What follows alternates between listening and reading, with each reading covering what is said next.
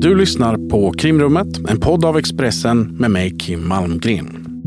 Det är onsdag eftermiddag och till dig som lyssnar säger jag välkommen till detta extra avsnitt av Krimrummet med anledning av att hovrättsförhandlingen efter mordet på 21-åriga Tove i Vetlanda har inletts under dagen. Det här är ett mordfall som har engagerat många av våra lyssnare. Tanken är att vi här ska ge en kort resumé av vad det är som har hänt här under första dagen och även gå in lite på vad den här rättegången handlar om. För dig som är obekant med fallet så har vi släppt ett antal avsnitt tidigare som man kan scrolla bakåt i flödet och lyssna på om man vill. Men för en kort, kort sammanfattning av vad det är som har hänt i det här fallet så har det gått snart ett år sedan 21-åriga Tove försvann i samband med en utekväll i Vetlanda. Två veckor senare så hittades hennes kropp i ett skogsområde utanför stan. Det framgick då att hon hade blivit utsatt för våld och att kroppen senare hade bränts. Två av Toves tidigare vänner, Johanna Jansson och Maja Hellman, häktades misstänkta för mordet och så småningom så dömdes de till livstidsfängelse. Det skedde i Eksjö tingsrätt och eh, domstolen meddelade den domen i april. Tingsrättens dom har överklagats och det som nu sker är att man håller en ny förhandling i Göta hovrätt i Jönköping. Den inleddes idag och någon som var på plats då var min reporterkollega här på Expressen, Christer El Moshantaf. Välkommen till krimrummet Christer. Tack Kim. Hur har dagen varit? Det har varit en väldigt intensiv dag här i Jönköping. Eh, det har varit ganska mycket som har avhandlats eh, fram till klockan, ja, nästan klockan fem idag. Då. Eh, och det började i förmiddags med att åklagaren lade fram eh, den bevisning som fanns i, i tingsrätten och grunderna till varför Maja Hellman och Johanna Jansson dömdes från första början. Men kom också med viss ny bevisning också, eh, bland annat gällande telefonaktiveringar, det vill säga när telefonerna som de här två äger har eh, aktiverats eller visar på rörelse på olika sätt. Då. Eh, eftermiddagen ägnades sedan åt eh, rättsläkarnas bedömningar som vi också har fått gå igenom i tingsrätten tidigare. Men också då försvararnas utsagor där de gör allt för att helt enkelt eh, försvara sina klienter, Maja Hellman och Johanna Jansson. Det här har ju varit ett väldigt uppmärksammat fall. Var det, var det mycket folk på plats idag? Jag hörde någonstans att det var 60 åhörare inklusive de journalister som var på plats och det har ju varit massivt rapporterat i media, vilket också återspeglades på antalet som var på plats. Eh, så ja, jag skulle säga att det var mycket folk för en eh, förhandling idag faktiskt. Och man satt där i salen som du gjorde. Vad, vad var det man fick se då? Ja, först och främst så är ju Göte hovrätt här i Jönköping en ny byggnad så att den, den är ju fortfarande väldigt ren och fräsch och eh, stor eh, faktiskt för, för ändamålet. Eh, själva salen i sig har ju plats för rätter som sitter på ett långt bord och framför dem i någon slags halvmåne sitter ju då dels anhörigas eh, målsägande beträde men också pojkvännen till Toves advokat där. Sitter på ena sidan och på andra sidan sitter då Johanna och Maja ihop med sina advokater. Eh, och framför dem, så, eller bakom blir det ju faktiskt, sitter ju vi i journalistkåren då bakom en, en glasvägg. Så vi sitter ju väldigt nära dem men vi är skilda av en glasvägg kan man säga. Det här är ju två unga kvinnor som står åtalade för det här mordet. De har dömts till livstidsfängelse i tingsrätten. Innan allt det här händer så är de väldigt nära vänner. De beskrivs nära som systrar. Sedan dess så har, väl mycket hänt i deras relation kan man tänka sig. Hur, hur var stämningen mellan dem idag? Ja, som, som Peter Gillberg som är Maja Hellmans advokat sa här under eftermiddagen så Eh, för Maja har ju Johanna betytt väldigt, väldigt mycket och hon var en väldigt nära vän eh, fram tills det här mordet inträffade då. Och i rättssalen kan man väl notera att de knappt tittar på varandra, åtminstone gör inte Maja det. Hon vände nästan aldrig blicken när jag såg mot Johannas håll. Däremot så vandrar Johanna Janssons blick lite mer i rättssalen åt eh, alla möjliga håll. Då, så hon är ju mer aktiv så att säga. Eh, aktivt deltagande i det som händer medan Maja mer är iakttagande och stirrar största delen av tiden ner i bordet. Båda de här har ju överklagat och vill att eh, livstidsdomen från tingsrätten ska strykas. Men vad är det de vill för någonting? Är det tal om att frikännas här eller handlar det om en lindrigare dom? Vad är det de yrkar på? Ja, jag talade lite med Clea Sangborn som är Johanna Janssons eh, försvarare. Och i hennes fall handlar det om att få en annan brottsrubricering än mord. Och det tryckte hon också på väldigt mycket nu på eftermiddagen när hon berättade och lade fram si, sin eh, sakframställan. Då, att det fanns inget uppsåt menar hon för Johanna att mörda Tove. Och då finns det ju en rad andra brottsrubriceringar som kan bli aktuella. Allt ifrån dråp till i, i vissa fall grov misshandel. Då. Eh, exakt vilken rubricering som hon ville ha det till ville hon faktiskt inte säga i pausen när vi sågs. Där, Men det är vad där, hon yrkar på. Där skiljer sig läget lite åt för Johanna Jansson hon har medgett att det, det som leder till, eller det som sker i samband med att Tove dör är att hon håller något sorts strypgrepp. Sen, sen så har det varit mycket rättsmedicinska diskussioner om det där. Medan Maja Hellman är väl mer av åsikten att hon är helt oskyldig till detta eller inte inblandad i, i Toves död. Eller hur är det det ser ut där? Ja, korrekt. Och det var också så som Peter Gillberg, som är hennes advokat, lade fram det under eftermiddagen. Han menar i princip att Maja Hellman låg och sov genom hela händelseförloppet när Tove dog. Och eh, detta baserar han bland annat på det som åklagaren i förmiddags la fram, att Maja Hellmans telefon inte visat på någon stegaktivering under natten. Eh, däremot så har den väckts till liv som man då säger på iPhone-språk. Och detta visade Peter Gillberg väldigt grafiskt i eh, rättssalen när han med hjälp av en overhead-apparat faktiskt på storbildsskärm visade hur man väcker en iPhone utan att nödvändigtvis röra på den. Han menar att Maja Hellman sov igenom eh, den här händelsen när Tove och Johanna bråkade i badrummet och att hon vände på sig i sängen och därmed ska hennes mobil då ha vaknat till.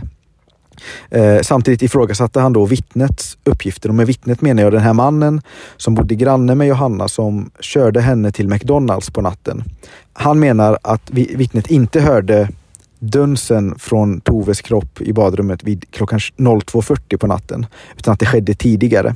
Och det här baserar han då på den tidsangivelsen som eh, grannen har uppgett mellan det att han hörde dönsen till att de åkte till McDonalds. Det är väldigt eh, små detaljer som, som avhandlas här men som kan få väldigt stor betydelse för utgången i fallet. Du var inne på det med, med telefonerna här. Man går igenom dem väldigt detaljerat med, med stegserier och när en telefon vaknar till liv och eh, när någon har gjort våningsförflyttningar till exempel i den här hälsoappen. Det finns ju andra stora frågor i det här och en som, som man verkar ha lagt stor vikt vid det är Toves dödsorsak. Vad är det som leder till att hon dör? Kan, kan du gå in lite på det? Ja, åklagaren lägger ju stor vikt vid rättsläkaren Alexandra Lazarevics utsaga om att Eh, Tove dog av strypning. Och då menar man ju då att Johanna har orsakat den här strypningen. Eh, Clea Sangborn som är Johannas advokat menar å sin sida att det inte är helt ställt utom allt rimligt tvivel att det verkligen var strypning, utan hon försökte ju så tvivel då i rätten om att det kan ha skett av andra orsaker, att dödsfallet kan ha skett av andra orsaker. Och då pekar hon framförallt på att Tove ska ha dött genom att det har hamnat magsäcksinnehåll i lungorna. Och där gick hon igenom väldigt specifikt vad rättsläkarna hade skrivit och synade det eh, bokstav för bokstav i princip för att då mena på att det fanns ingen vetenskapligt fastslagen evidens då att det verkligen var strypning. Det kan finnas andra orsaker menar hon. För det, det, kan inte vara helt enkelt att hänga med som åhörare i det här heller, när det går ner på så detaljerad nivå. Det är ju väldigt svårt med alla de här medicinska termerna och eh, de olika begreppen som finns för att reda ut olika saker som händer i kroppen. Jag pratade med, med en kollega, kollega förut som, som beskrev den här hovrättsförhandlingen som SM i rättsmedicin. Att de här två sidorna då, både åklagarsidan har två rättsmedicinska experter som man vänder sig till och sen så har Johanna Janssons försvar två andra rättsmedicinska experter som man tar information ifrån. Eh, det är mycket fokus på det. Precis, hon har ju eh, åberopat en professor i rättsmedicin, Anders Eriksson, då, som hon hänvisade till genomgående under sin utläggning. Och det hon vill i grunden visa med det är ju att Johanna Jansson saknade uppsåt att mörda. Att hon kunde omöjligt veta att det här strypgreppet, som hon menar hölls i tio sekunder, skulle leda till Toves död. Och att det då inte var själva strypgreppet som orsakade döden. Och det har man ju prövat i, i tingsrätten en första gång och då kommit fram till att eh, det, det som har skett här det, det, innebär att Johanna Jansson är skyldig till mord. Nu ska det alltså prövas en gång till. Och när man, en, en hovrättsförhandling kan te sig på många olika sätt. Eh, en, en hovrättsförhandling där det inte händer så mycket det är egentligen att man prövar all bevisning en gång till. Man, håller, man spelar upp förhör som redan har hållits i tingsrätten och man, man åberopar ungefär samma bevisning. I det här fallet så kommer Johanna Jansson att förhöras igen men inte inte Maja Hellman. Vad, vad, kan vi vänta oss av Johanna Janssons förhör? Ja, det finns ju en hel del försvårande uppgifter som talar emot att Johanna Jansson inte skulle ha något uppsåt. Och då tänker jag framförallt på på det faktum att hon har gjort en massa Google-sökningar på hur man skadar andra människor och rent av mördar andra människor. Hon har också visat ett, ett tydligt agg emot Tove, bland annat med den här låten som hon ska ha skrivit innan Toves död som går väldigt hårt åt Tove och hennes syster. Eh, hon kallar dem bland annat för narcissister och önskar väl i låttexten också att de ska försvinna från den här jorden som hon säger. Eh, det blir väldigt svårt att förklara bort så att själva försvaret har ju hennes advokat verkligen riktat in sig på dödsorsaken och att det inte är strypningen som gäller. Och, och skälet till att Johanna Jansson kommer att förhöras igen, Hennes, hennes tidigare förhör kommer att spelas upp, men det som man har begärt då är ett kompletterande förhör. Och den, den som har begärt det, det är Maja Hellmans försvarare. Och det som man vill ta fasta på, eh, det som man vill ställa eh, frågor till Johanna Jansson om, det är när i tidslinjen som Johanna Jansson började göra medgivanden. För hon, hon nekade ju i sten från början och, och höll den linjen länge. Men när hon förstod att Maja Hellman hade börjat prata och gett polisen viktiga bitar i den här utredningen så började även Johanna Jansson prata. Och att det då Eh, I Johanna Janssons berättelse så fanns det mycket som var besvärande för Maja Hellman. Och att nyckeln som Maja Hellmans försvar möjligen vill få ut av detta det är att eh, Johanna Janssons uppgifter om Maja Hellman inte stämmer. Men också att det kanske har funnits något motiv eh, till hämnd här. Att Johanna Jansson säger de här sakerna om Maja Hellman endast på grund av något sorts hämndmotiv för att Maja Hellman har pratat om vad Johanna Jansson har gjort först.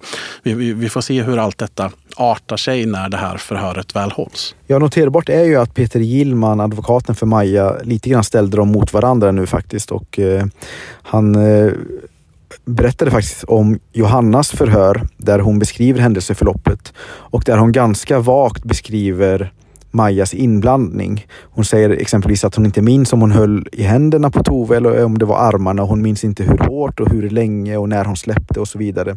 Och det här har ju verkligen Gillberg utnyttjat idag för att då försöka förklara att eh, det är väldigt, väldigt vagt och ja, han försöker så ett frö om att det rent av är påhittat. Då. Det här är ett extra avsnitt där vi bara snabbt vill fånga upp vad som har hänt under dagen. Rättegången fortsätter nu. Eh, när avslutas den, Christer? Nästa rättegångsdag är på tisdag nästa vecka och sedan är det torsdag som är sista dagen. Sedan brukar väl dom väntas ungefär två veckor efter sista rättegångsdagen, va? Precis. Vi, vi fortsätter följa den här utvecklingen och ser vart det här målet tar vägen. Tack för den här eh, hastiga dagrapporteringen, Christer. Det, det var inte länge sedan som, eh, som du lämnade rättssalen. Jag kommer precis därifrån nu faktiskt, innan vi började spela in. Här jobbar vi med snabba puckar. Eh, Krimrummet släpper som vanligt ett ordinarie avsnitt imorgon torsdag. Eh, lyssna då. Du har lyssnat på en podcast från Expressen. Ansvarig utgivare Klas Granström